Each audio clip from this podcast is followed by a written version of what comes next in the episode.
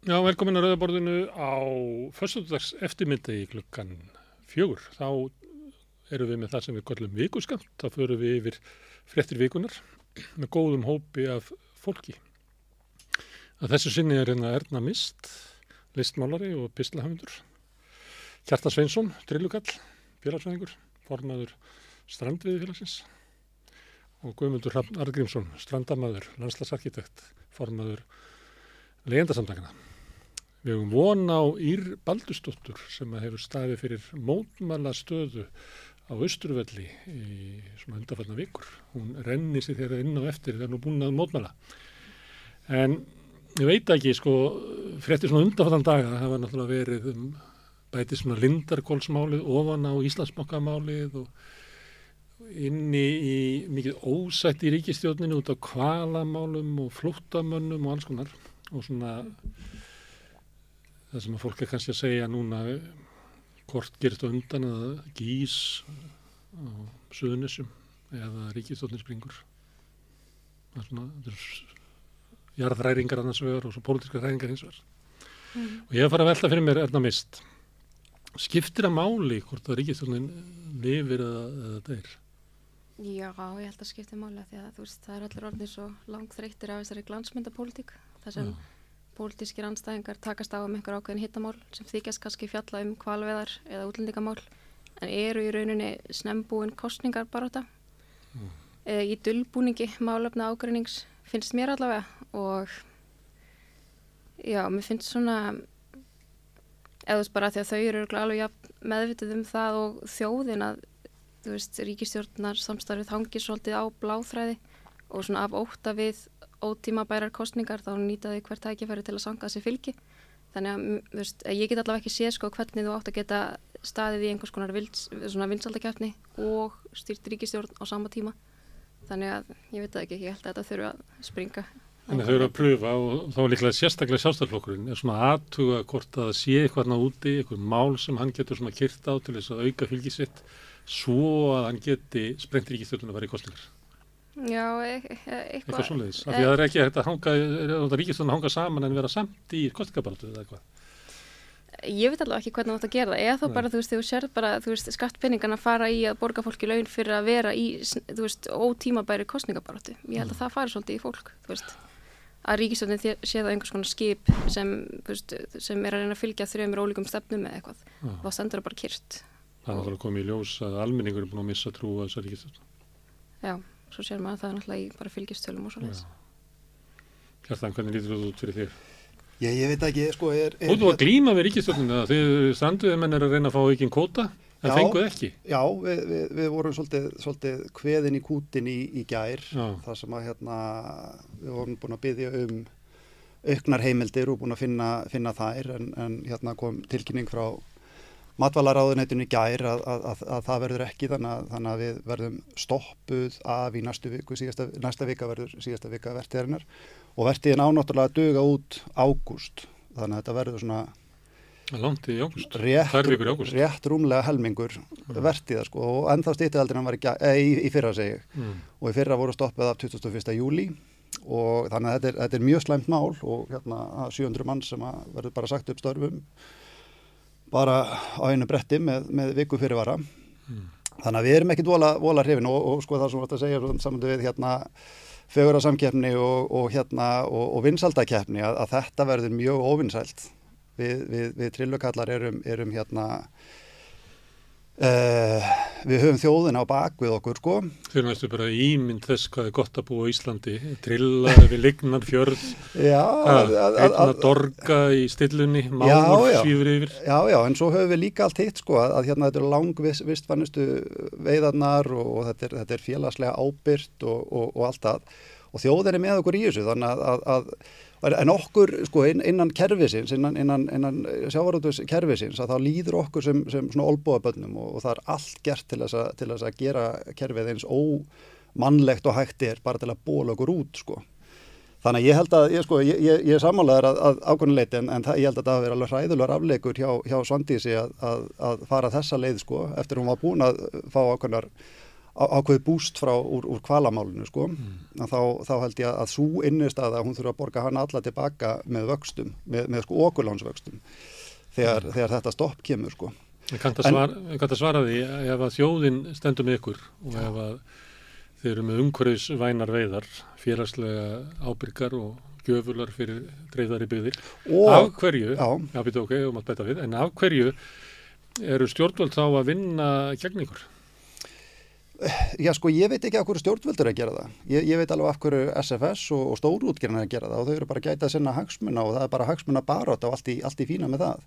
En ábyrðin liggur náttúrulega hjá stjórnvöldum að þau eru að stýra þessu og ég skilit ekki. Ég bara hreinlega skilit ekki.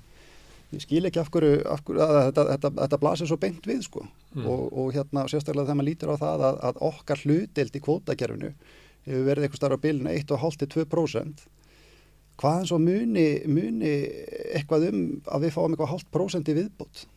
Þetta, þetta, þetta er svo róslega lítið, lítið sem vantur upp á til þess að kerfið verði mannsæmæti sko.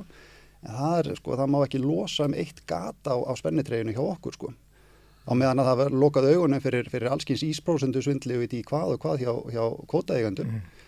En allt hjá okkur, það bara má ekki losa um eitt gata á spennitreginu okkar sko. Mm. Guðmundur, skilir þú þetta? Já, ég skilir þetta. Vinna uh, gegn vilji almennings? Já, ég, og ég tek nú bara undir uh, með honum hérna að ég er búin að fylgjast með föðu minn, hann er búin að vera trilljusjóma síðan 1981 og ég er búin að fylgjast með honum farið gegn nokkur svona strandvegi kerfi dagakerfi og kvotakerfi og svo hérna, þetta svona nýja kerfi, hvernig hefur svo verið mjög undan því þetta er náttúrulega stór alvarlegt vegna þess að e, í þessum, eins og þú nefndir eftir, eftir leðan að í dreifður byggðum þá er þetta bara algjörð lífsbursmál fyrir samfélagi e, e, að fá trillukallana á sumurinn til að koma með ferskast á besta hráöfni sem völir á í land. Það er ekkert kramið í netum eða pókum eða snurpum eða þetta er allt hýft upp bara á krókum komið með þetta í land eftir 6-7 klukkutíma. Þetta er bara besta og vistvannasta leginn til þess að hérna, veiða fisk og vermaðastu fiskurinn og eins og það segir eftirlega þetta er svo lítið lít hlutfall af held á kvótunum að uh, þetta blasir við að stjórnvöld eru bara að gæta hagsmuna fjármaksis og kvótaeganda og þetta blasir við, við svo víða. Ég sjálfur að sjá þetta allstaðar til dæmis í mínu starfi sem formaði legendarsamtakana að á húsnæðismarkaði þú slá stjórnvöld skjaldborg utanum fjárfesta og byggingaraðila og þeir sem eru með fjármakan inni og, og, og sínarunni almenningi og sérstaklega fátakum og tekjulofum bara algjörðu anduð. Þannig að veist, ég, þetta, þetta, þetta, þetta ber alltaf sama brunni. Þetta er sami hluturinn. Já, þetta ber alltaf sama brunni stjórnvöldi eru að gæta hagsmuna fjármangsins. Mm. Mm. Er þetta rétt, er það? Að stjórnmál sé að gæta hagsmuna... Stjórnvöld. Já, já. Mm. Uh, ég menna, það er rosalega stór spurning, ég menna, kannski að mörguleiti, já, ég menna, hvað flokkur er það sem er við völd akkurat núna? Ég menna, er það ekki svolítið hans hlutverk? Mm. Og ég menna, þjóðin kýst það yfir sig, er það ekki?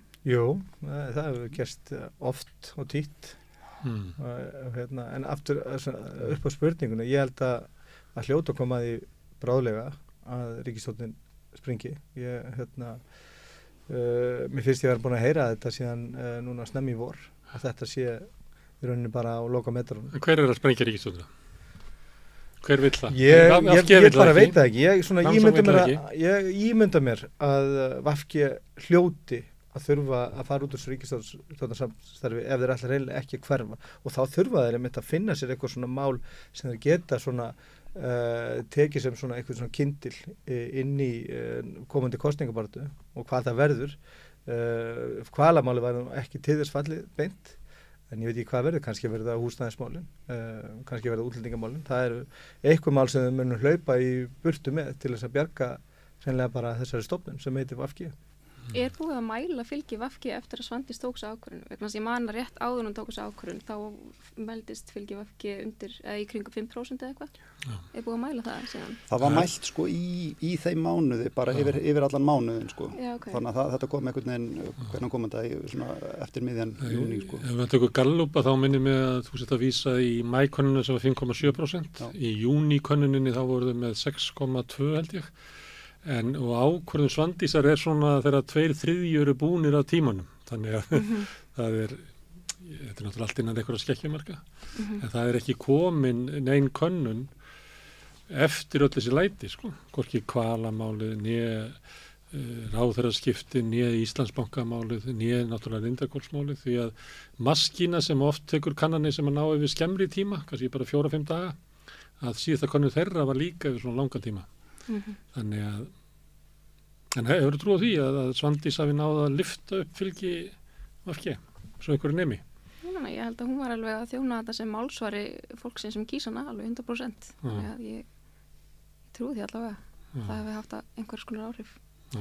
Ég get ekki alveg séð það sko að maður getur verið sammála einhverjum ákverðum stjórnmálflokka en samsvara séð einhver leiti bara við þeirra verk og spórin þeirra og, og svona almennt hvernig þeirra hafa hagað sér í stórum málflokkum. Þó að einu einstaka ákverðin geti passað hérna við maður segja eins og við sjáum þetta svo við sko. við gerum bara sjálf þetta skoðanakonum afstöðu til leiguþags og leigubremsu mm. en uh, þeir flokkar sem að tala fyrir því er ekkit endilega að fá þetta sama fylgi þó að stuðningu við þennan málstað hefur verið kringum 80% mm. Þannig að það er ekki alveg það er ekkit vist að þetta skilir sér En það, það skiptir líka máli hvernig þetta er borðið fram að, veist, í fjölumölum, þú veist hvernig er máluna því að Svandís tekur þessu ákvörðun hvað degi áður en verðt þjátt að hefjast eitthvað svo leiðis mm. og þá verður svona skellur, svona fjölumöla skellur þar sem aðrir komaðil úr stjórnaranstæðingar mæta líka í fjölumöla og koma og taka og tala mótinni mm. og fólk byrjar svolítið að fylgjast með sko. ég held að, að því að þú veist, að það þurfi eitthvað svona líka svona, hérna, svona sjokkeffekt smá Já. til að fólk virkilega takja marka því Já, og ég, ég held að hún hafi unni, unni sér inn ákveðið goodwill með, með, með þessu kvalamáli, sko, ég, ég, ég er alveg samfæðan um það og það, þegar, þú veist, allt í hennu fólk eins og Katrin Óts og, og Hallgrimur Helgason fara mærana, sko að þá, þá er það svona til, til margsum það að held ég að, að hún hafi gert eitthvað rétt fyrir, fyrir þann, fyrir þá demografíu, sko, sem að kannski Vafki er búin að vera svolítið mikið að, að tapa. Mm. um, en ég veit ekki sko um, ríkistjórn sem er í frjálsu falli er, er hún að fara að blása til kostninga ég, sko, ég veit ekki alveg hva, þá myndu hver flokkur það fyrir sig. Já, já, já, já, ég held að það myndi engin græða því núna annar en sjálfstæðisflokkurinn sko og, og, og var hann ekki að hann hérna hvað heitir hann? Ólásson hann Óli Björn. Óli Björn að hérna var hann ekki að, að gera hósusuna græni fyrir því að, að, svona, að sá fræjum allana að það undibúa jarðveginn fyrir það að sprengja ríkistjóðan ég held að það var að gaggrína þessa ákurinn uh, Svaldísar, svolítið hart. Mjög hart sko, alveg óvenjulega hart. Þetta er náttúrulega ákveðin farsi. Við erum búin að búa við þessa svona þessa spurningunum kvalveðar í 35 ár. Það er þess að hvort við ættum vera aðeins við ekki það búið að vera að rannsaka þetta fram og tilbaka alla þessa áratíi og svo, svo er bara, bara eitt árið er veitt og annað, næsta árið er ekki veitt. Það er bara veitt svona annarkort ár undanferðin ár. Já, já, en þetta er samt sem að stað, staðan er alltaf uppi það, búst, við vitum að dýri er að kvæljast og við vitum hvernig þetta veit og við erum sem er sömur skipið frá því 1970 það verður ekkert breyst í þessu. Ég veist að maður sé að búið að skipta um spilinni inn í kvalferði sko. það verður ekkert breyst í þessu. En svo kemur að því að taka ákverðin sko, afgerða ákverðin málnu þá hún tekjum bara svona kortir í miðnætti uh, og án alls aðdraðanda og mér finnst þetta mjög sérstakt.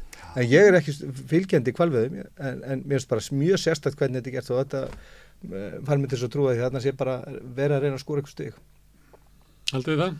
Þetta kom náttúrulega eiginlega bara einum og hálfu sólaring eftir að Bjarni Bindísson var hann á tröppunum á bestastöðum að básuna það upp að að, að flottamannamáli var stjórnlaus og alltingi hefði brúðist og, og þetta væri mál sem að ríkistöndin yrði að taka á og þá kom hérna þessi ákvörðun svandísar eh, bara svona einum og hálfu sólaring setna. Finnst ykkur það að vera tenging þar að milli?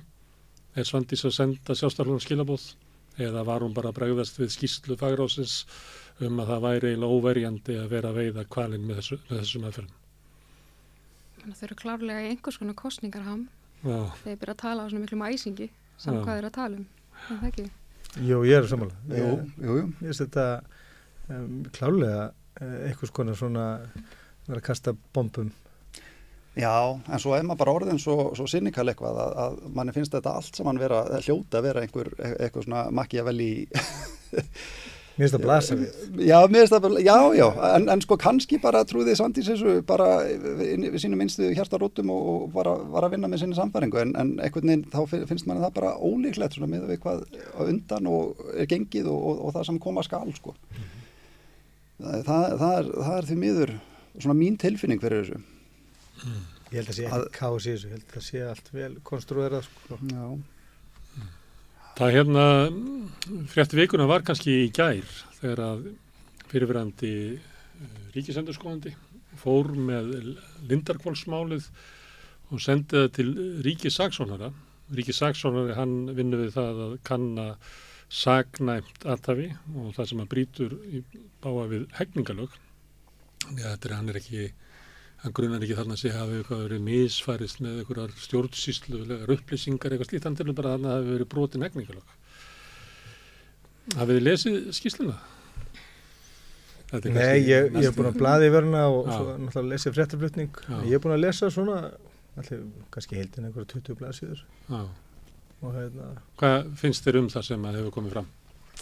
Já, mér finnst þetta, sko, fyrsta lagi er þessi leindahjúpur um þetta allt saman sem er mjög sérkynlegur en svo hérna ég kannu kannski ekki alveg að lesa í þessar svona, í svona rít af, af, af svona eins og ég vildi geta það en mér er samt uh, blasa við hvernig bara umhverju kringum þetta þessum að þessu allar þessi eignir föllum bankana séu komna bara inn á lögfræðastofu hjá hjá okkur einstaklingi út í bæ þar sem að hann rauninni bara vélar og sinnir öllu þessu fjöröggi þjóðurna nánast á þessum tíma. Það er bara einhver maður, einn maður lögfræðingur út í bæ, minnst þetta er alveg ótrúlegt að stjórnvöld hafa komið svona fyrir. Það er eitt af það sem kemur fram sko að þetta, þessi lindarkvall er ekki neitt, þetta er skuffað hjá fjármálaróðara og það er stjórnir þessu þrýr menn og þau kaupa svo bara þjónustan út í bæ og það er verið að selja þarna ríkisegnir upp á 400 miljardar þetta er náttúrulega þetta þetta er einhver leiti, ég veit ekki. Ha. Ég, ég las nú ekki skýsluna og, og hérna kem eflust ekki til með að gera það. Ég bara þekki hennan fjármála hef mikið neitt og, og bara það er meira átt af áhuga að leysa heldur en nokkru, nokkru öðru. En mér finnst pólitíkin í þessu aftur á móti alveg svakalega spennandi og, og svolítið fyndið að fylgjast með henni sko. Þá? Bara allt þetta le, le, leinimakk og hérna og, og hva, hva, hversu langt er seilst til þess að, að hilma yfir, yfir hlutina sko? Og hérna var, hann, hann var náttúrulega bara mjög, mjög komiskur hann, hann Birgir Ormansson í, þegar hann fór að segja núna allt í hennu sko bara já, já þetta er allt í lagi þótt að þetta sé komið upp yfir borð þetta skiptir hvort þið er einhver máli sko. Og bara af hverju varstu þá að, að berjast eins og ljón við að halda þessu lindu mm. þannig að við, þetta þetta kýtla svolítið svona komisku liðin á mér sko, bara hvernig, hvað, þetta er svolítið eins og, já ég veit það ekki, bara þetta er alveg sér íslenskt bara sko spillingamál sem að mm. þetta, svona, þetta rettast spilling sko. Já, einmitt að þú talar um pólitík sko, mér finnst þetta ekki eins og snúast um pólitík, þetta er bara spillingamál sko. Og þú veist, spilling er mitt ekkert bundin við einhver ákvæmna hugmyndafræði eða flokk, þetta er bara, þú veist spillingabundir valdi og þetta er bara eitthvað sem Já, en það er samt á ábyrð hérna stjórnmála manna að, að, að upplýsa um þetta og, og frekar heldur en að halda þessu öllu saman lindu sko og mhm. ábyrðin mm. liggur hjá þeim, finnst mér sko mm -hmm. þeir, sko fjármálafólk er, er náttúrulega bara að, að reyna að græða peninga og það er bara þeirra að vinna Svo mikið, það er svo mikið fræntikli alls það er í þessu þetta er alltaf einhver tengsl sko, svona persónuleg tengsl, er allstaðar ég hef farið á fjöldafunda undanfarið eitt og hálft ári í þessum störfum mínum og hittar fyrir hérna, fólk sem er ráð inn í eitthvað svona sértæk verkefni fyrir stjórnvöld og ef maður fær eitthvað aðeins aðtöfum þetta fólk þá er það makið þingmanns uh, í viðkomandi stjórnmálflokki eða starfandi í stjórnmálflokknum mm. eða í stjórn ekkur hverja þetta, þetta er allstað svona mm. þetta, er all, þetta er út um allt samfélag nepotismin hérna er svo uh, mikill að ég, ég sagði frá þessu í svona lágun tóni út í Bosníu fyrra við, við hérna, félagminni í leyendarsamtökum frá öllum Balkanríkanum og þau voru í sjokki. Og það var eldri konu sem stóð upp og sagði hún var frá Albaníu og hún segi ég, og ég held sem, ég sem held að Albaníu var í spilt land. Mm. og þau voru í sjokki yfir spillingun á Íslandi sem er bara mjög kvestarsleg fyrir bara hér Herru, hún er Baldurstóttir og kominninga Hæ, þú hérna ert svolítið að mótmæla spillingunum Vestfjalli. Herra, ég er aðeins byrjað á því, Já. það var svolítið tölvægt og, og við fórum í það, ég og maður minn og fleira gott fólk. Frantíkli hjá ykkur í mótmælunum. Ég heldur betur. Við erum bara, e, akkurat, við erum ekki að, að hérna, taka þetta niður með sömu hérna, aðferðunum. Já, þannig að ykkur Nei. ofbýður spillingin. hérna. Já, og ég segi bara eins og hann, þessi fræntikli, ástakið mig, ég var hlaupinga, sko. Já. að hérna, það er þessi fræntikli sem er að, er að þú veist, ofbjóða okkur hreint og beint Mm. svo þurfum við bara að skoðum alla þessi sögu þú veist, hver er búin að vera undan hverjum og hver er tengdu hverjum þá er eins og, eins og að mínum að bara Bjarni Beinu svona lím í miðjuna á einhverjum strengjum Mm. sem að sko, eru svo að tengjast öðrum spillingaþáttum og, og það er bara stór kongulöfur Já. af, já, Hann, og hann alltaf tengist til öllum skandalmálum á hann Íslandi. gerir það. Lindarkól, Já. Panama. Og mér finnst bara einhvern veginn rosa nöðsilegt að sko hvað sem verður og hvernig sem við Íslendingar tæklum þetta þá þarf sko millistektin að fara að sig að hún er næst Mm. hún er næst hann, hann, og, og þessi spillingu eftir að ráðast á það Mm. algjörlega Mm. en millistektin virðist svona pínlítið sofandi ennþá og ekki vilja að trúa Fegin að þetta beinist ekki að sér í bíli. Það er akkurat málið, það er málið. Það er öryggið þeirra sem þau eru að halda í og þau eru hættu að missa þetta, þessa, já, þessa þægindabúbli sína sem þau eru akkurat í núna en hún fer. Mm. Það er klart mál, maður sér alveg hvert þetta er að fara. Mm. Guðmundur Hrafn, er þetta ekki svona mynd sem við má sjá á húsnæðismarkanum að, að svona vandi fólks út af húsnæðiskostnaður og slíku, það er alltaf að færa svona upp tekjustíðan. Svona þeir sem að gætu haldið væri í ykkur í svona samfélagsstöðu að, að, að, að það er ekki grafið undan þeim, að þetta er svona alltaf að færast ofar og ofar. Já, það er bara alltaf erfiðar og erfiðar að bæði að eignast sitt í húsnæði og líka bara komast inn á legumarkaðin. Við erum að sjá fólk sem að, uh, er með bara ágætis tekjur, uh, hafi ekki nokkra möguleika á því að leggja fyrir í útborgun. Við sáum þetta bara í umfjöldum kastljósnum fyrir nokkur viku síðan. Er bara vinnandi par á besta aldri í, í fínu stöðum hafi ekki nokkra möguleika á að, að, að koma sér fyrir í húsnæðisöryggi vegna hárra húsalegu og svo hás húsnæðisverð. Þannig að auðvitað fer þetta hægt og rólega að sko bytna á börnum um, um, millistettarinnar. Þannig að sko, við sjáum það bara hversu, hvernig þessi árgangar eru fastir á legumarkaði. Þau þennjast út hlutfallið af uh, þessu fólki til dæmis á millir 30 og 40 á legumarkaði. Er sko nánast þrefaldast frá 2007. Þannig að veist, þetta eru bara breytingar sem eru framöndan og það er allt gert, öll verkefni, öll kerfi sem eru sniðin sem einhvers konar líknandi móður fyrir uh, þetta fólk, þau eru öll með, með svona innbyggða og rætna fátæktar anduð. Þá uh, sko kerfin sem eru sn- sniðin kannski fyrir svona fjöldan og til þess að milda bara samfélagi allt, þá eru þau sniðin fyrir mjög afmarka hópa og helst svona smánuð það er svona, er svona innbyggt svona uh, verið að smána fólk fyrir ef það getur nýtt sér þetta að, uh, þessi úrræði, við erum bara að tala um þetta sem, hlut, hluteldaláni að það eru tekjumörk sem eru rétt yfir bara lögbundun lámaslönum uh, fyrir þá sem geta nýtt sér þetta. Uh, og, og, og þannig að við, við erum að sjá þetta. Og það er rétt sem Íri segir, þetta er millistjættin er næst. Og það er byrjað á henni. Það er verið að býta uh, hérna, og þeir eru að naga svo upp lærin á millistjættinni Eru, Erna, þú sagðir að spilling, þetta er spilling, þetta er ekki kannski í pólitík, en er tengsl á milli til dæmis eh, stöðunar og húsnæðismálum að það sé ekki brúðist við vandanum og spillingarinnar, eða er þetta sikuluturinn? Já, Er ég meina, það- er það ekki pólitísku vilja að halda húsnæðismarkanum eins og hann er? En, og líka halda spillingurinn við. Halda spillingunum við? Já, Já, ég veit ekki, ég, ég sé alltaf spillingu sem bara, þú veist, svona ákveðin part af valdaferlinu, þú veist, að því að vald er ekki stöðugt ástand, það er einhvers konar ferli, þú veist, þú öðlast vald, síðan uh, lærir að beita því, þú venst í að beita því og þá fyrir að misnota það og þá átt að missa það. En þú veist, það er svona spilling, persónulega uh, uh, þroskasaga valda, valdamannsins, já, já, en og svo erum við það það að valda kerfi sem að bara viðhalda völdunum á tiltunum stöðum. Já, og, það er, og það, þar kemur spillingin inn, sko, þegar fólk mistir ekki valdi sem það er búið að misnota og það er það sem við sjáum í dag í kringum okkur og þess vegna tristir fólk ekki stjórnmálamönnum. Þess vegna þurfa kannski bara að verða einhvers konar kynnslóðskipti á alþingi eða eitthvað. Eða, þú veist, þetta er ekkert endilega bundið mitt við einhver ákveðna hugmyndafræði eða stjórnmálaflokk. Ég held að sé bara fólk er búið að vera nú lengi sko. Já. það er. En það reyndar verði ég að skjóta því núna að það hefur verið meiri breyting, mannabreiting á íslenska þinginu heldur um flestum öðrum þingum og við þekkjum það bara frá bara runi, það er bara alltaf verið að skipta um fólk á þinginu en ég held að tiltrú almennings á þinginu bara aukist ekkert. Ég meina hvernig beita kjörni fulltrúa sér veist, þeir eh, haga sér allir sem einn maður. Og þannig að sko þó að Vafgi sem er 15 þingmenn Mhm. þá kjósa þeir allir eins.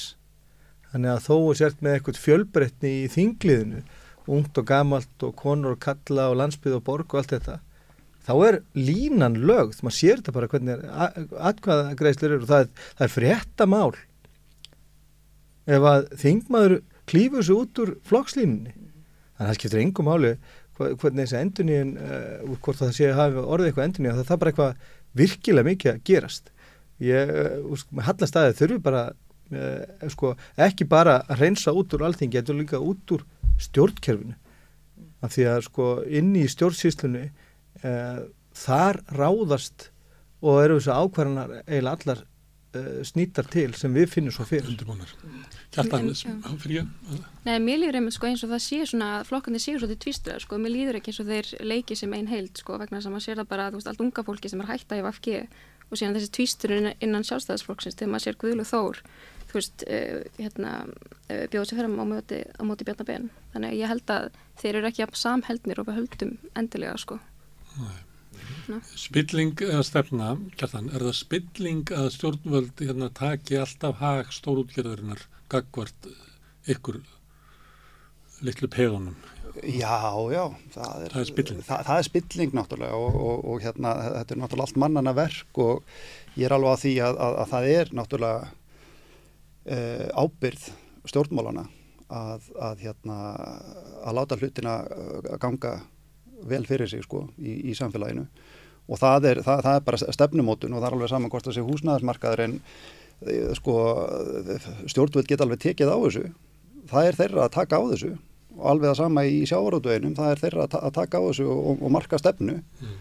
En einhver luta vegna þá mm, náttúrulega í hú- húsnæðismarkaðnum að það eru einhverju risar sem að, sem að fá bara ákveða þetta.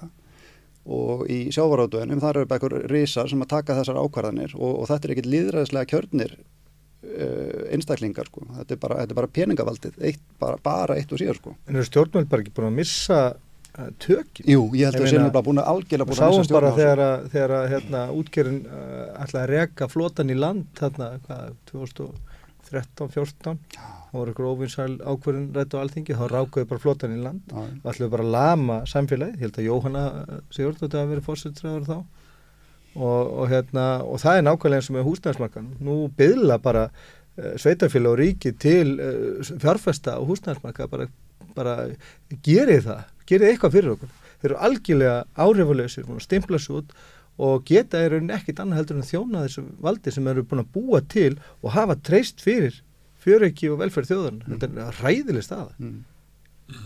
Hvað séu þetta? Já, já, þetta er bara svona, það myndi mér svolítið á bara það sem við erum að heimurinn er að gera núna, að búa til AI og svo kemur bara yfirtaka. það, er alveg þannig, þetta er, vist, já, algjörlega sammála. Svo er líka bara eins og það sem við erum búin að vera að skoða. Nú náttúrulega lindakórsmálið, við erum eftir að fara gegnum það og, og erum náttúrulega auðvitað hérna niður frá þegar enginn er. En uh, þegar við byrjum að mótmæla, þá er það 1. júni. Förum bara út pyrring yfir öllu þessu. Það er, þú veist, þessi kerfislega, sko, þetta kerfislega hrun, öll helstu kerfin sem að eiga að þjóna, sko, landsmönnum og þeirra heilbriði og passa upp á, passa upp á okkur, hvað ég segja. Mm. Alveg, bara passa upp á okkur. Okkur? Þetta er bara farið. Það er allir, sko, í, já, í kremju í vinnunni, vinnandi kannski tvo, þrjá sólarhinga í einu, heldur hver ykkur læknir geti þjónað ykkur mannesku, þannig, alveg búin á því. Og þannig, svona erum við að missa fólk út á landi, en svo er það skólanir og það er mentaskólinn Vist, nú, nú er þetta búið að minka minka þessi fjögur ár neyri þrjú til þess að íta krökkunum út af vinnumarkaðin og þannig missum við líka sérfrænga, þannig að það, það er eins og það er engin sé engin metnaður í því að hlúa að þjóðinu eða þegnanum hvort sem þetta húsnæði eða nokkuð annað. Þið hjónin sjáu svona ástandið og samfélagið sé ekki gott. Já, eins og allir hérna við þetta en þið ákveða að fara að mótmæla? Já. Og hvað, það er eina sem við kunnum í raun og veru, hvað er að gera? Ég sko, það var alls konar sem að komi upp í höfuðið. Hvað er ekki, má maður ekki bara fara í safna lið í borgarlega handtöku og handtöka bjarnar beðin bara Já. og færa nér á lauruglustöð og, og fylgja svo laurugluna eftir með hann bara upp á holmseiði Já. og fara svo að rannsaka mála meðan hann situr þar í einangrun og, og þið hérna, og hann skengi við þið hugsuðu þetta en hættu við Já, það kannski var ekki alveg það sem við, okkar valdi var hérna bóðið en, en við, svo vitum við ekki, hvað megum við gera? Já. Hvað megum við gera sem þjóð og hvernig megum við tækla þessu spillingu? Mm. Því að hún er komin yfir allt sem að er svona siðsamlegt. Mm. Þeir eru í félugum, þar sem að eru félug trillukalla og féluglegjanda eru að reyna að skipulegja sig í einhverju varnarbaróttu hvert stjórnundun, ekki? Jú. Þetta er, en ég var að taka undir með þessi kerfi sem að er að rinja, oftur að hugsa til þess að þessi kerfi, þessi innviðir sem við búum þó við, uh, voru byggðir upp hérna af svona kynnslóðum uh, um okkur og afa, þegar við voru kannski 120-150 þúsund mann sem byggu hérna og tímabili voru eitthvað fátakasta ríki í Európu, Já. byggðum hérna hér að skóla, hér að spítala í nánast einhverju einasta krummaskuði eða á hverju einasta landsvæði, ekki bara. Félagsheimili og, og félagsheimili og og brýr og vegi. Og sko við erum núna eitthvað auðvasta samfélag í veröldunni og við erum meirinn tvöfalt fleiri og við getum ekki einu sinni haldið þessu við. Hvað þá að byggja þetta upp þetta er náttúrulega algjör skömma það sýnir bara svart á hvítu hvernig komið fyrir sko þessum dreifingu auð, auðafana hérna á Íslandi að við getum ekki svona haldið við sem að fátakasta þjóð í Evrópu byggði hérna upp fyrir 60, 70, 80 árum síðan þannig að bara, þetta er skandal Þetta er það. Ég er alveg sammála því. Þetta er algjör skandal. hvað, Kjartan, hvað, hvað, hvað klikkuðu við eiginlega? Ef þetta var svona mikill kraft, kraftur í Já. nation building í Íslendinga hérna fyrir síðustu öld. að kannski sagfræðingur frekar aldrei um félagsfræðingur sem að þyrfti að, að svara því en, en einhver tíman á nýjunda ára dögnum held ég að við höfum tekið vittlösa beigju, það, það er mín skoðun Um, vegna þess að þetta er, þetta er- er ekki bara á Íslandi sko. þetta er, sko ég var í, í vetur í London og það er náttúrulega verið að tala um það að, að, að helbreyðiskerfi þar sem var það besta í heimi og, og þeim tókst að stopna 1948 upp úr rústum annarar heimstyrjaldar að það er allt í hennu núna hrunni komið sko. Og það er verið að tala um að það sé bara að sinja bara í, núna sko. Og ekki sé ekki hægt að berga því að það búið að grafa það svo mikið innan. Það er eiginlega bara í, að, það er að hrinja fyrir framann augun á breytum. Já, já, þannig að þetta er ekki bara á Íslandi sem, sem að, en, en við, við náttúrulega fylgjum bara, bara hópnum í, í þessu sko, þannig að ég, ég, hva, ég, ég veit það ekki, ég held að hérna, ég held að eh, sko svona frikjuhundum og, og, og, og, stórköllum hafi bara verið gefin allt og laus taumur. Að, að, og, sjálftöku liðið, það var bara, það, því, því var taumnum að sleppt á, á því það held ég að sé ró, rót vandan sem ég að segja alveg eins og er. Að sjálftakan er orðin svo svakaleg og, og hérna og það er náttúrulega fyndið að með, með Íslandsbankamálið að, að það sé verið að tala um að, að læra ykkurar, læra ykkurar leksjur úr, úr þessu sko. Uh, eins og, eins og senastar hrun hafi aldrei gerst sko. Já. og svo veit maður það núna þú veist að það er allskyns einhverjir krakkalingar 25 ára nýjútskrefaðir sem eru bara komin á þrjár, fjóra miljónur á mánuð hjá okkur um böngum þú veist, þetta er bara, þetta er, við erum komin í nákvæmlega sömu styrlun og, og, og nánast setti, setti samfélagið á, á hausinn fyrir örfám árum síðan sko og við erum komin á sama stað, þetta er, þetta er orðin svona sama fyrringin hjá fólki, hjá, hjá svona í, í, í eitthvað svona sjálftöku sko. Þetta, er, þetta er nú þín kynslu þannig að unga fólki sem er með 2-3 miljónum mánuði. Já, já, þetta er minn kynslu. Mér Já, hún langar að spyrja þessu að því að við hérna all, við svona, einhver leiti munum við aftur fyrir sko nýfrálsíkuna. Já, að svona, svona til dæmis alls konar hugtök þaðan sem að hérna, við munum eftir sem var eitthvað svona annars konar hugsun í, í samfélaginu. Þú ert bara fætt og uppalinn inn í nýfrálsíkinni. Hvernig finnst þér þetta svona tal um að, veist, að allt hefur breyst með nýfrálsíkinni einhvern veginn 1980 eða 1990? sko, þetta, ég er svolítið klóðin með þetta vegna Já. þess að mér líður eins og ég hafi fæðst á nákvæmlega réttum tíma og réttum stað allavega verandi kona sko ef ég hafi fæðst 30 árum áður þá hefði ég örgulega ekki geta starfað það sem ég starfi í dag Mm. þannig ég er rosalega erfitt með að ímynda mér að tímatin hafi verið betri einu sinni og maður sér það bara í sögubókum og maður sér það bara á, þú veist að ég, ég er listmálari, þú veist, Mm. bara á frjálsum markaði sko. Þannig að allavega fyrir mér sé ég ekki alveg þessa glæstu fortíð sko sem fólk er að tala um. Nei. en það er bara ég, ég fættist setna Þetta er alltaf, alltaf uh, klofið, það sem hefur verið að vísa til þess að, að hafi eitthvað verið betra og síðan hafi verið hörnað að þá svara til dæmis þeir sem að fara með valdið og svona hvað viljið við hafa ekki að hafa sjónvarp á 50 eða Mm. spurjum eitthvað svona og svo líka um hvern réttindi, réttindi samkynneðra og, og þar fram til gutunum. Já, þetta er svo Það er náttúrulega ekki verið að vísa beinti þess, þetta er svona flókin umræð, þess vegna er ég langar með að spurja því sem ekki sér aftur fyrir þetta. Hljómar þetta bara eins og það hafi allt verið betri? Ég Við erum meina, bara að fara á söðskinskóna, á trilluna. Ég meina, ég held að sé rosalega eðlislegt að horfa svona nostalgískum augum á fortíðina af því að það er einhvers konar auðveld útskýring á því af hverju hlutirnir eru eins og þeir eru í dag eins og þetta hafi verið betra, eh, ég, ég veit það ekki sko. Mm. en ég get náttúrulega bara að segja þetta út frá mér þú veist eins og þegar ég fór til Breitland sína ám til að læra málaralist Mm. ég gæti ekki fundið neina forvera mína ég gæti ekki fundið neinar fyrirmyndir einhverja konur í myndli sem fór til Breitlands að læra mála. Það er, þetta er bara ekki til skiljiði. Mm. Þannig að þú veist félagslegur reymanleiki held ég að hafa ekkert verið mikið meiri en akkurat í dag sko þannig að mér líður eins og þú veist velferðaríkið það er ekki ef það er á er það ekki einhvers konar ég- En sko, þessar hugmyndir sem þú ert að vísa til, þær Já. fæðast inn í þessu samfélag sem við erum búin að vera að tala um, Mhm. 1960-70. Þær fæðast inn í þessu samfélagi sem er svona samfélagslega miðað, það er verið að tala um sósialisma, það er verið að tala um samvinnu og það er verið að tala um réttlæti handa öllum þegnum samfélagsins. Þarna fæðast þessu hugmyndir Mhm. og, og, og gerjast á 8. og 9. áratögnum, þannig að þær verða alls ekki til uh, eftir 1990. mm, Það, úst, þá, þá er þessi réttindi bara svona, e, þá er verið að festa þessi réttindi í lög. En það er búið að vera 20-30 ára gerjunatími á þessum tíma sem að, sem að sko, ríkti að mörgu leiti miklu meira samfélagslegt réttlæti.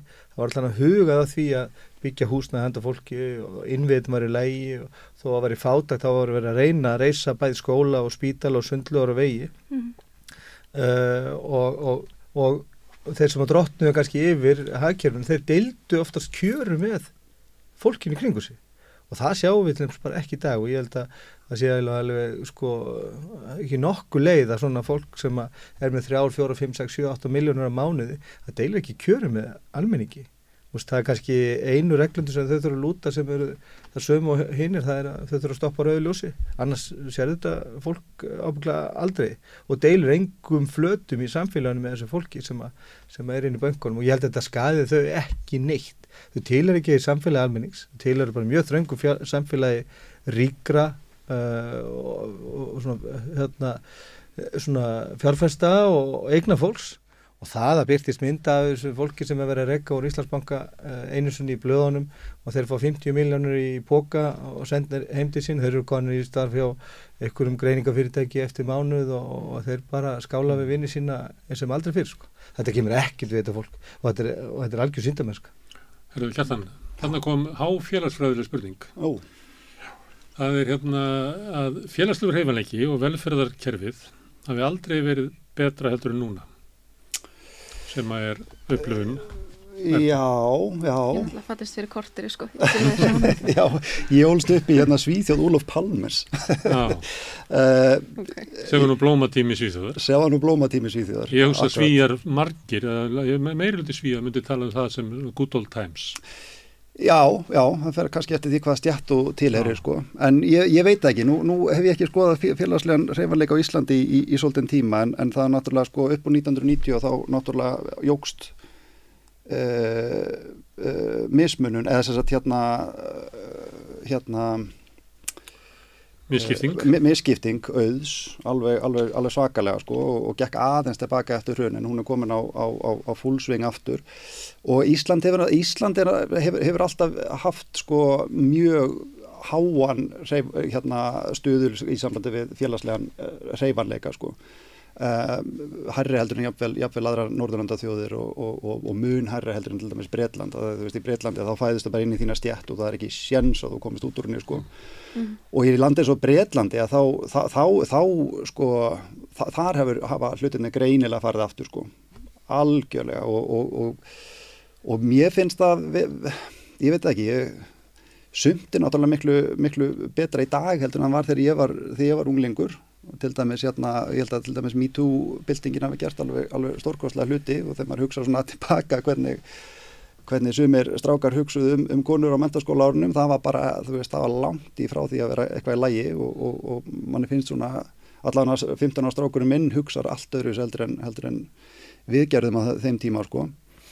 En ég held að með, með félagslega reyfalega, hann, hann ég veit ekki hvort hann sé að aukast eða ekki á Íslandi en hann hefur alltaf verið mjög hára á Íslandi. Þa, það, það, er, það var aldrei verið neitt voðalega skrítið að, að, að, að sískinni sko, an, annað sískinnið er, er, er smiður og, og, og hitt er læknir. Það er bara, það, það þykir ekki tiltöku mál og hefur aldrei þótt á Íslandi, eða allavega ekki mjög langan tíma á Íslandi sko Um, það var óhugsandi í Breitlandi að, að, að sískinni væri annars miður og hinn, hinn læknir. Eða, eða sem sagt líka bara svona þessi, þetta lífskeið sko að, að vinna kannski í, í einhverju verkamannvinnu með, með mentaskóla árunum og, og með háskólanum og, og, og fara síðan yfir í lögfræði eitthvað svoleiðis. Engin í, engin í, í, í Breitlandi sem myndi gera það sko. En já, ég, mér, mér finnst hérna ég, og, og kannski í, í húsnæðismálum að þá sér maður sko, hversu fast fólk getur orðið í sinni, sinni, sko, sinni stjætt og, og á sínum staði lífinu og hvað verður erfitt ef maður lendir einhvern veginn undir að, að brjótast upp úr því. Já, þetta er mjög fólk, fólk fæstist. Mér finnst það einmitt mjög áberandi að það er eiginlega auðveldur að tala við ungd fólk um stjættskiptingu heldur en eldra fólk. Mm út af við með húsnæðismarkaðum því að það kemur í ljós að, að viniðinir, þú sérði eiginlega á viniðinum hvernig þið búa hvað, frá hvaða heimilum þið koma. Þeir sem að koma af stöndum heimilum hafa fengið aðstofið að eignast húsnæði en þeir sem hafa það ekki. Ég manna eins og niður sagði svona yðinnaðamadur komin á svona síðustu starfs árin sín sagði að ég, við hjóni búum ágætlega og, og hérna og við eigum okkar eh, endar aðhús og svona en ég á fjögur börn þannig ég get aldrei sko bjarga þeim öllum til þess að eignast húsnaði og þannig að ég held að þetta sé orðið miklu svona ríkara og almennari svona skilningur á því hvaða skiptir miklu máli hvort að þú fáir eitthvað stuðning úr þínu baklandi sko. Mm. hvað við þér í? Ég vil alveg samlega því, sko baklandi í dag í þessu samfélagi er allt. Það er alveg allt, ef þú hefur ekki bakland þá máttu bara passa þig Mm. Þannig að mér finnst það hafa breyst, þú veist, nú hefur ekki, nú er ekki verið að grýpa þig til dæmis að þú ert einstæðingur eins og mm, mér fannst það hafa verið gert hérna fyrir 20-30 árum. Mm. Og þá er ég að tala um til dæmis segjum að grýpa einstæðing sem er að fara inn á, inn á öldrunahemili. Mm. Þú veist, það var í sko mínum augum eins og mér fannst þetta hafa verið hérna áður fyrr. Þá er það allt öðru svo, eins með börnin í skóla þú veist, nú er þetta orðið miklu blandaðara og við búum í örsamfélagi, það er nú eitt. Við erum blokk í New York. Mm. við erum ekki miljónu borg Svolítið stór blokk. Svolítið stór blokk, já. En, en þú veist, við finnum samt svona stóra blokkir í, í hérna og svona fjölmennu blokkir í New York. En, en við erum ennþá örsamfélag. Við erum ekki búin að ná hálfri miljóni í, í fólksfjölda.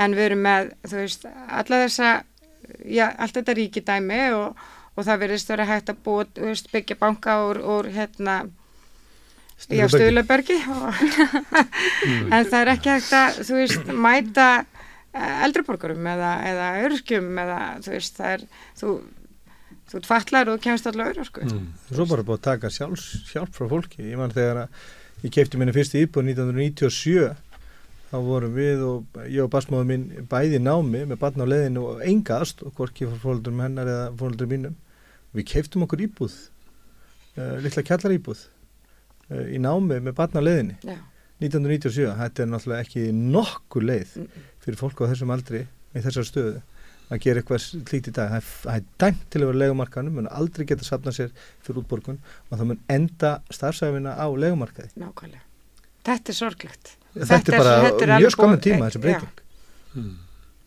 Herðu, endurumar hjá þér í svona að þetta með bankan og stuðlabergið að, að þetta sé svona einhver svona elita sem að fari með völdin í samfélaginu sem að taka ekki tilliti til almennings, ekki þarfans og væntinga. Hvað séu það, er það mist? Er það þannig? Að, eða er þetta bara svona tilfinning sem að fólk hefur eða er það raunverulega þannig að þeir sem að fara með völdin í samfélaginu Mm. eru ekki að stýra, við erum búin í líðræði samfélagi, er ekki að stýra í kraft, eða þess að í takt við vilja líðsins.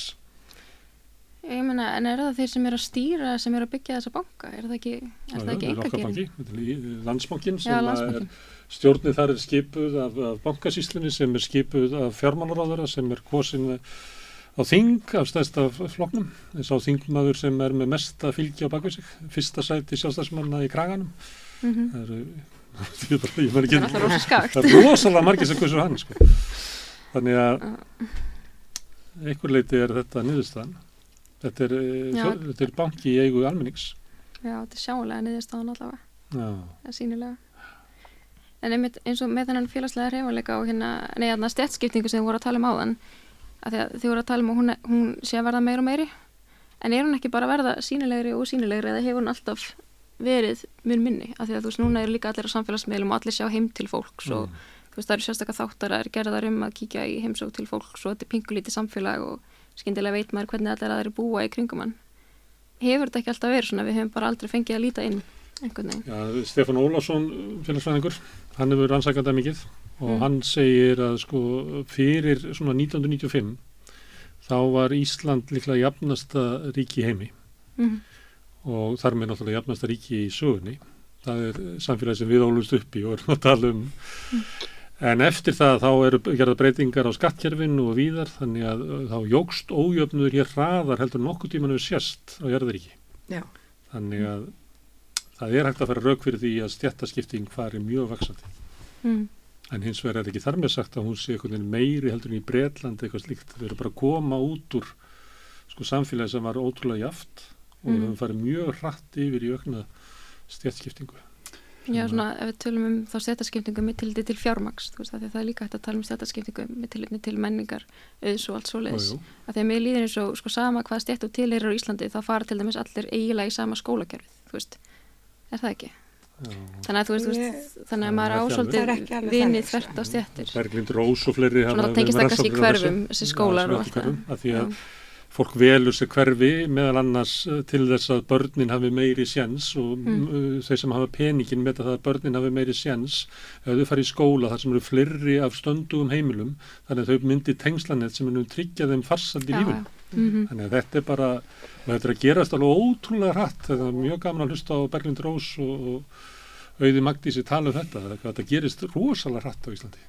Og svo er annar vingill að þessu að, að, að tengið skólakernu að ákunnuliti en, en, en í samvændi stjættaskiptingu á Íslandi að það er náttúrulega svolítið líka verið að útvista hérna svona proletariat statusnum á, á innflytjendur sko. Og, það, og það er verið að búa til sko svona ný, nýja undirstjætt þar algjörlega gaggjart og ma markvist Já. og enn og aftur þá er það náttúrulega íslenska millistjættin sem að bara yppir aukslum og segir bara já, já, þetta er bara allt í lagi.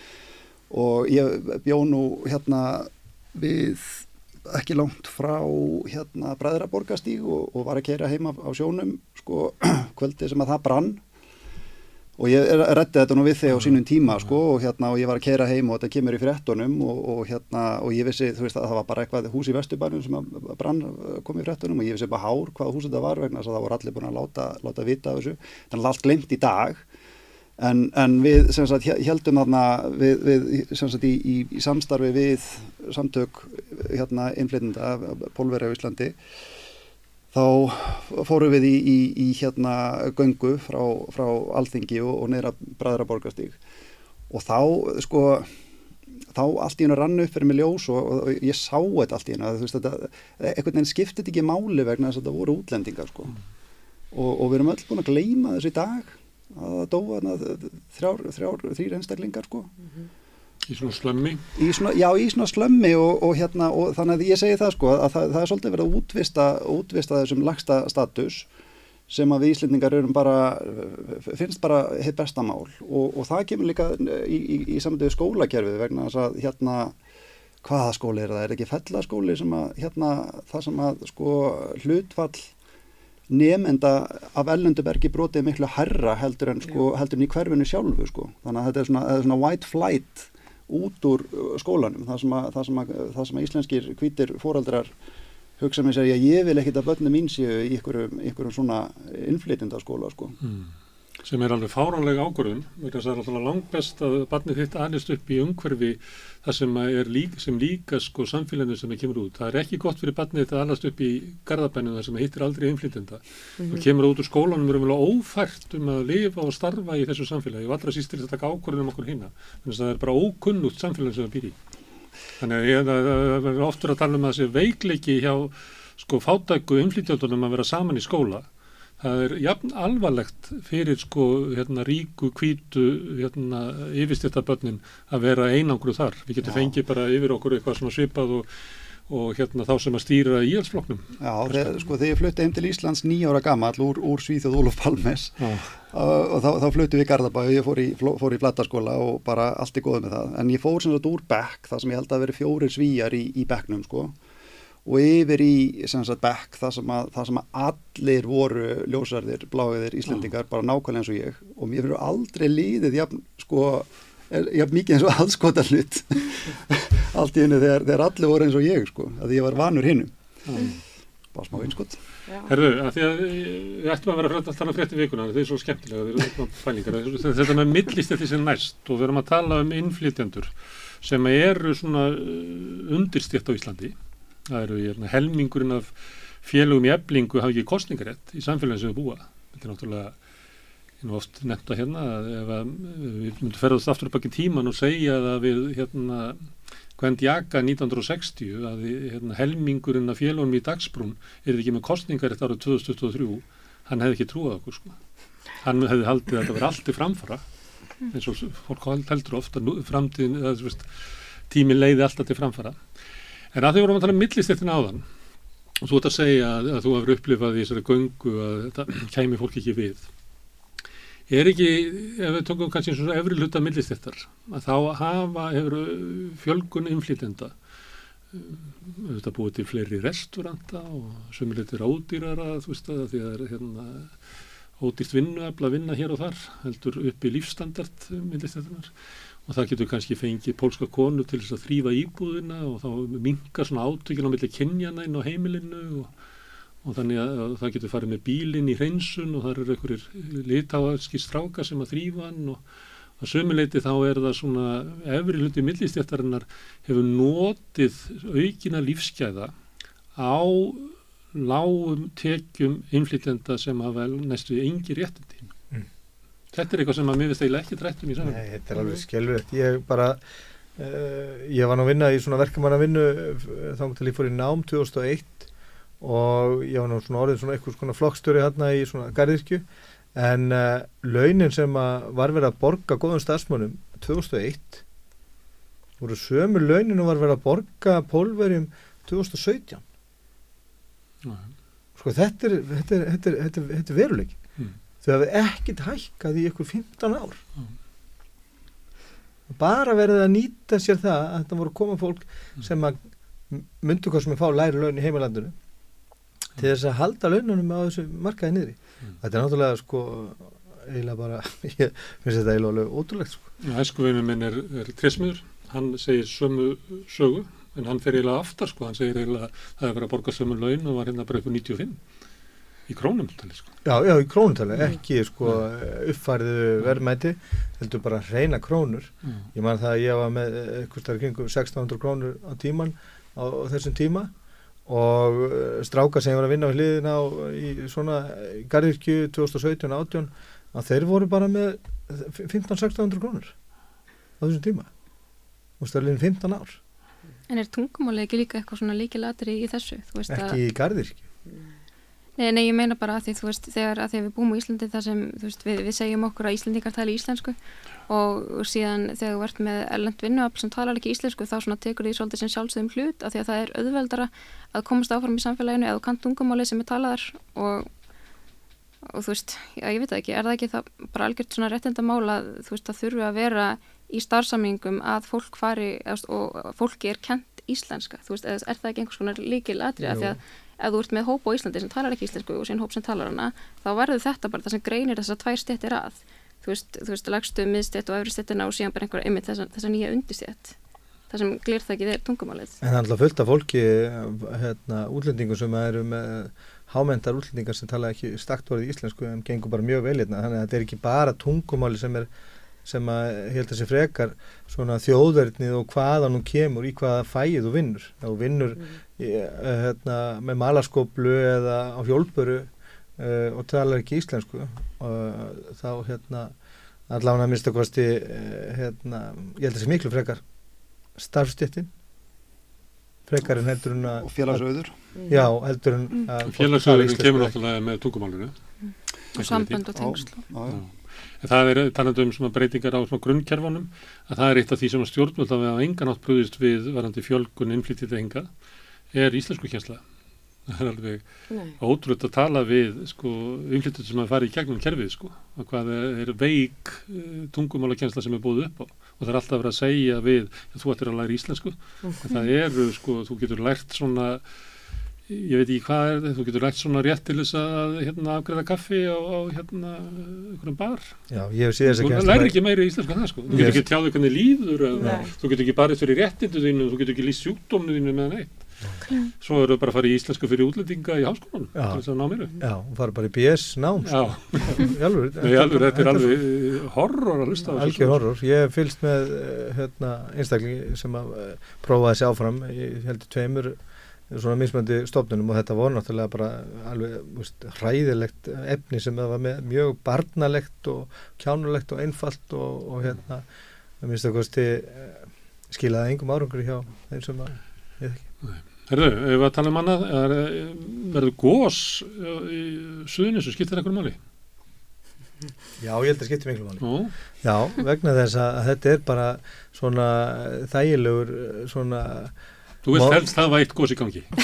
Nei, sko, þetta er þægilegur móðreikur til þess að, að hérna, halda okkur upptöknum uh, við að spjallum eitthvað svona. Þetta er svona, hvað kallur þetta, hérna, panem, hérna, eitt sirkus hérna, hérna Bread and Circuses. Þú meinar að Bjarni Ben líki eitthvað á bæn og byggja um já, já, ég meina hann þarf þessu valla það er svo mikið í gangi og, og, og hérna, það er alls konar svona reiksprengjur sem að, sem að hérna, bæði komum í hendutur á hann og skapa sjálfur og ég held að þetta er svona þessi stærsta stærsta von ríkistjóðan ef það fer að gjósa þá snýst allt Anstæðingar ríkistjóðan þeir óska eftir það að verði að, er þetta, kvíkugangurinn fari ekki lengra. Já, já, til þess að ég, ég sé það bara að þetta, það muni all fjölmjölu umfjöldun og samfélagi allt verið upptekið þessu í næstu svona 6-8 vikurnar og það er nóg til þess að, að, að þetta... En er það þannig, hafið þið trúið því, það var náttúrulega gós þarna fyrir þremur árum, svo gós fyrir tveimur árum.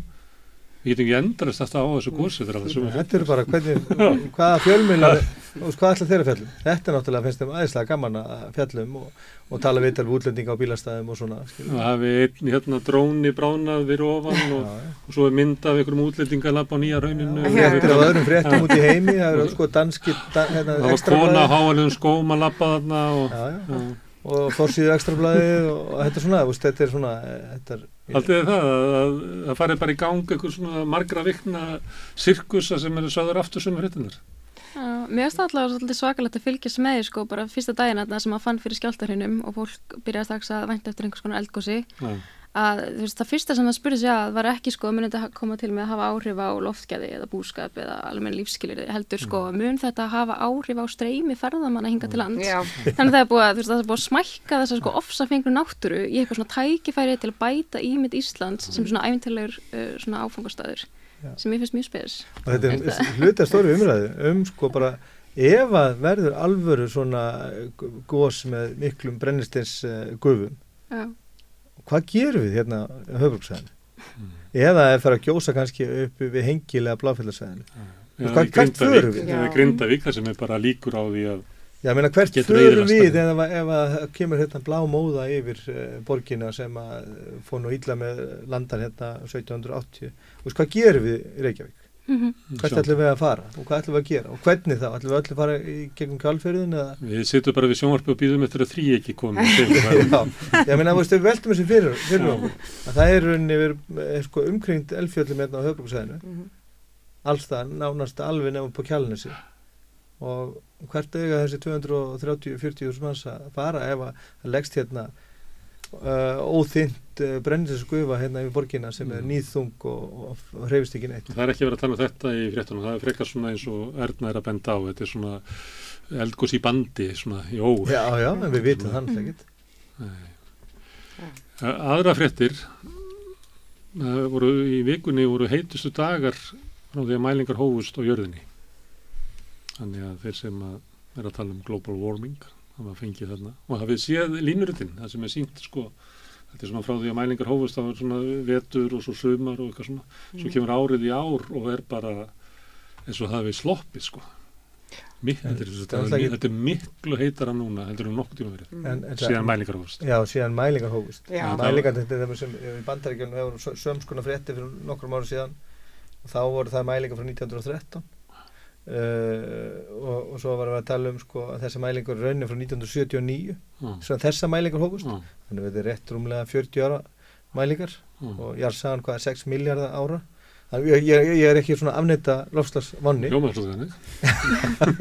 en ég er bara að segja að þetta samingi þarf að koma fram Já. Vist, við eigum ekki góðar tölur um hitta að fara á jörðinni síðan nema bara 120-30 ár Mm. þannig að þetta er lítið tími Ég sá eitt svara svona einhverju á, á Facebook út af því voru svona fréttir að þessu. Þá kom hann með eitthvað hvað hefur verið heitt þetta fyrir nokkrum miljónum ára. Að svo væri það eru hérna reysaðalundar væri að segja þetta að ég kalla þetta nú ekki heitt. Já, meina, það var óks hérna skóur upp á Barðarströnd sem er sam, samskonar uh, samskonar gróðufar á Barðarströnd og í Kaliforníu. Fyrir einhverjum uh, andra Ok, Guðmundur hann óttast, hann óttast eldgós og eitur guður en ekki línu jarðar hvað, Kjartan, Já, sko, ég, hérna, hvað Jú. óttast þú?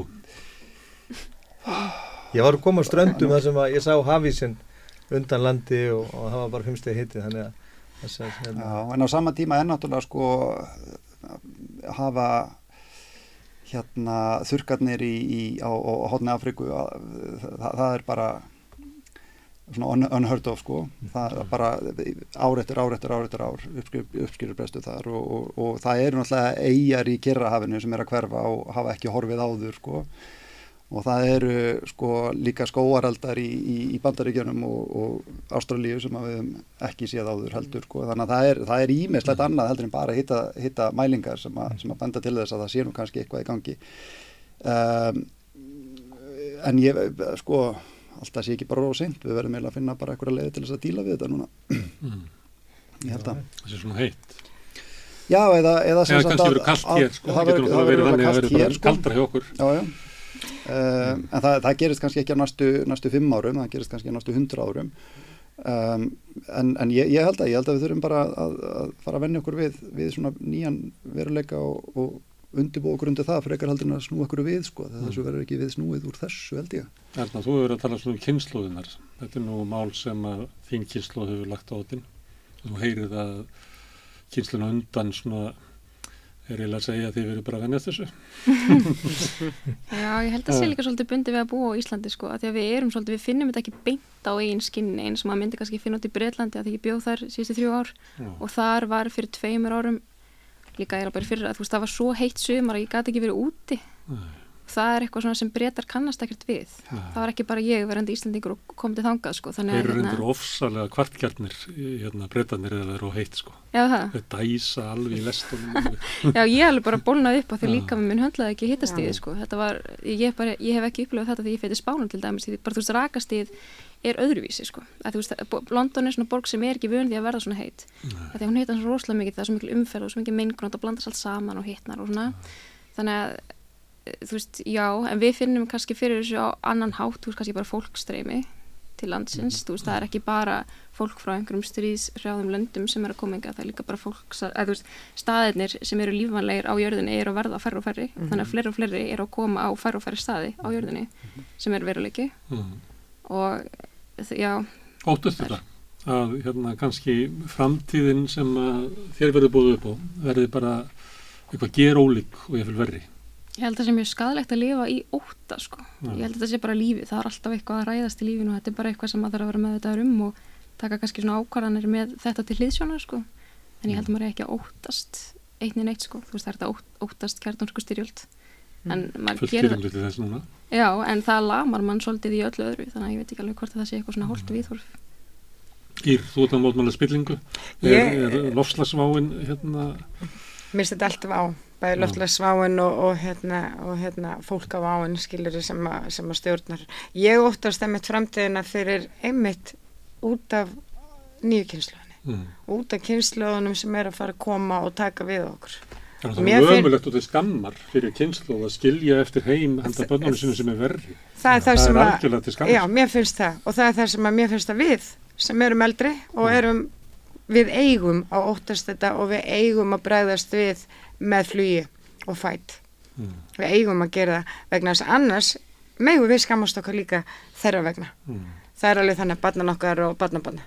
Ég talaði við Helen Ólafsdóttur sem er unnið í þróunarstofnum samlið þjóðana í 16 ár held ég í núna í vikunni.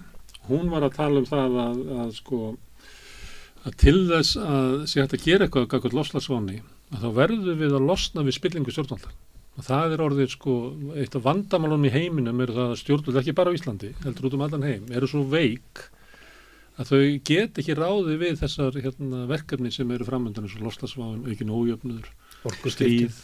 Já, ég, ég, sko, ég, ég held að sko, eins og til dæmis með, með orku á Íslandi sko, að eru að virkja, virkja, virkja vegna þess að þetta er svo græn orka sko. Mm. en ég menna það er alveg spurning hversu mikið ál hérna við þurfum í viðbót bara sem, sem, sem manneskjur sko, bara ja- jarðkringlan, hvað, hvað þurfum við mikið ál og hversu mikið ál er verið að framlega bara vegna þess að það er einhver sem að græðir á því og það er mikið neyksleismál í Breitlandi núna, núna ekki alls verið löngu það sem að kemur ljós að, að, að gler framlegendur í, í Breitlandi eru búin að, voru búin að lobby alveg þvílíkt að, að hérna að endurvinnsla glers væri bara ekki til neins. Að það væri bara ruggbull og vittles og það er bara allt eins gott að framlega nýtt gler eins og, eins og endur, endur vinna gler. Og þetta sko þessi lobbyismi bara skilaði sér hjá þeim sko. Þannig að og, og það er náttúrulega bara til þess að geta hérna grætt meiri peninga og að framlega meiri, meira gler sko og þessi sko eða ei- eitt sem að við þurfum að gera það er að, það er að minka neyslu og minka, minka framleiðslu á óþarfa drasli Já. sko og ég, ég, ég held að ég held að við séum bara búin að framlega það ál sem, að, sem að við þurfum sko. Við getum bara endur nýtt það núna. Við vorum eina frétt af samstöðinni sem að tengi þessu þá var ykkur að telja að hvað voru margir sem að voru við stefnu mörkun í umhverfismálum í bandaríkjum held ég sem að voru á launum hjá voru lobbyistar á launum hjá þeim sem voru að menga. Og það var komið upp eitthvað 1500 sem að voru bara á launum hjá þeir sem að voru að þykjast að vinna hjá. Það er svona, tengið þessu að sko Já. það er náttúrulega að víðar heldur en hér á Íslandi þar sem að sko stjórnvöld eru bara að gera spilt sko. Já, þetta fyrir mér snýst þetta bara eins og, að hefur komið fram að, að þetta snýst um að draga úr, bara almennt úr neyslu, minga þörf fyrir eh, ferðalög og, og, gera, veist, mér þetta eh, meira þess að kristallar bara í svona skiplasmálum. Uh, að, hérna, að búa til samfélag sem eru mannvænleg og þau veita værð og ró og öryggi og ekki kvíð og spennur sem að veldur mikill neyslu bæði í, mat og fötum og ferðalögum eitthvað skona fólk að leita eftir eitthvað fró. Uh, að mér, mér finnst þetta bara koma þar niður þetta bara snýst allt um að minka neyslu og en svo, svo, svo hérna uh, sko, en svo megum við ekki blekkjast af því að þetta leysist ekkit fyrir en eftir hundrað ár. Ég hitti einn svona úr orkumála ráðun eitt í Kúveit út í Magadóníu í núna fyrir nokkur viku síðan.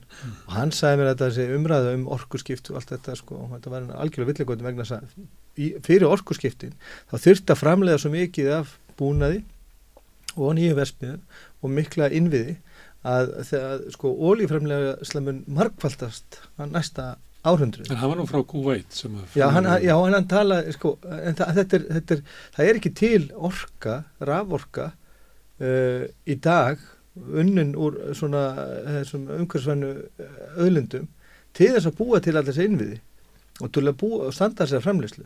Hún er háð olju, all, allur fluttningar, öll jarðvegsvinna, allur mokstur og keisla, þetta er verið allt háð olju og þetta mun auka oljuframleyslu á næstu áratugum. Hann talaði með þessum aður um 100 ár og, og, og hérna, þannig hann gaf lítið fyrir það að Porsche væri að framleiða einhvern nægilega sparnettin ramarspíl og, og hérna, sem hluti af orkurskiptanum en, en Mm. mm. við, við þurfum að taka þessu umræði hérna, ætlum við að viðhalda núverandi neyslu og reyna að byggja þá þessi innviði kringu það sem að tekur okkur heilu höld eða einu, einu og halva höld þar sem við munum auka ólíframlislu eða ætlum við að draga úr neyslu? Ætlum við að búa til samfélag sem þurfum ekki allt þetta drastl þessi ferðalög og, og þennan óþarfa? Og þennan mengandi óþarfa? Mm. ég held að það sé eina lausnin.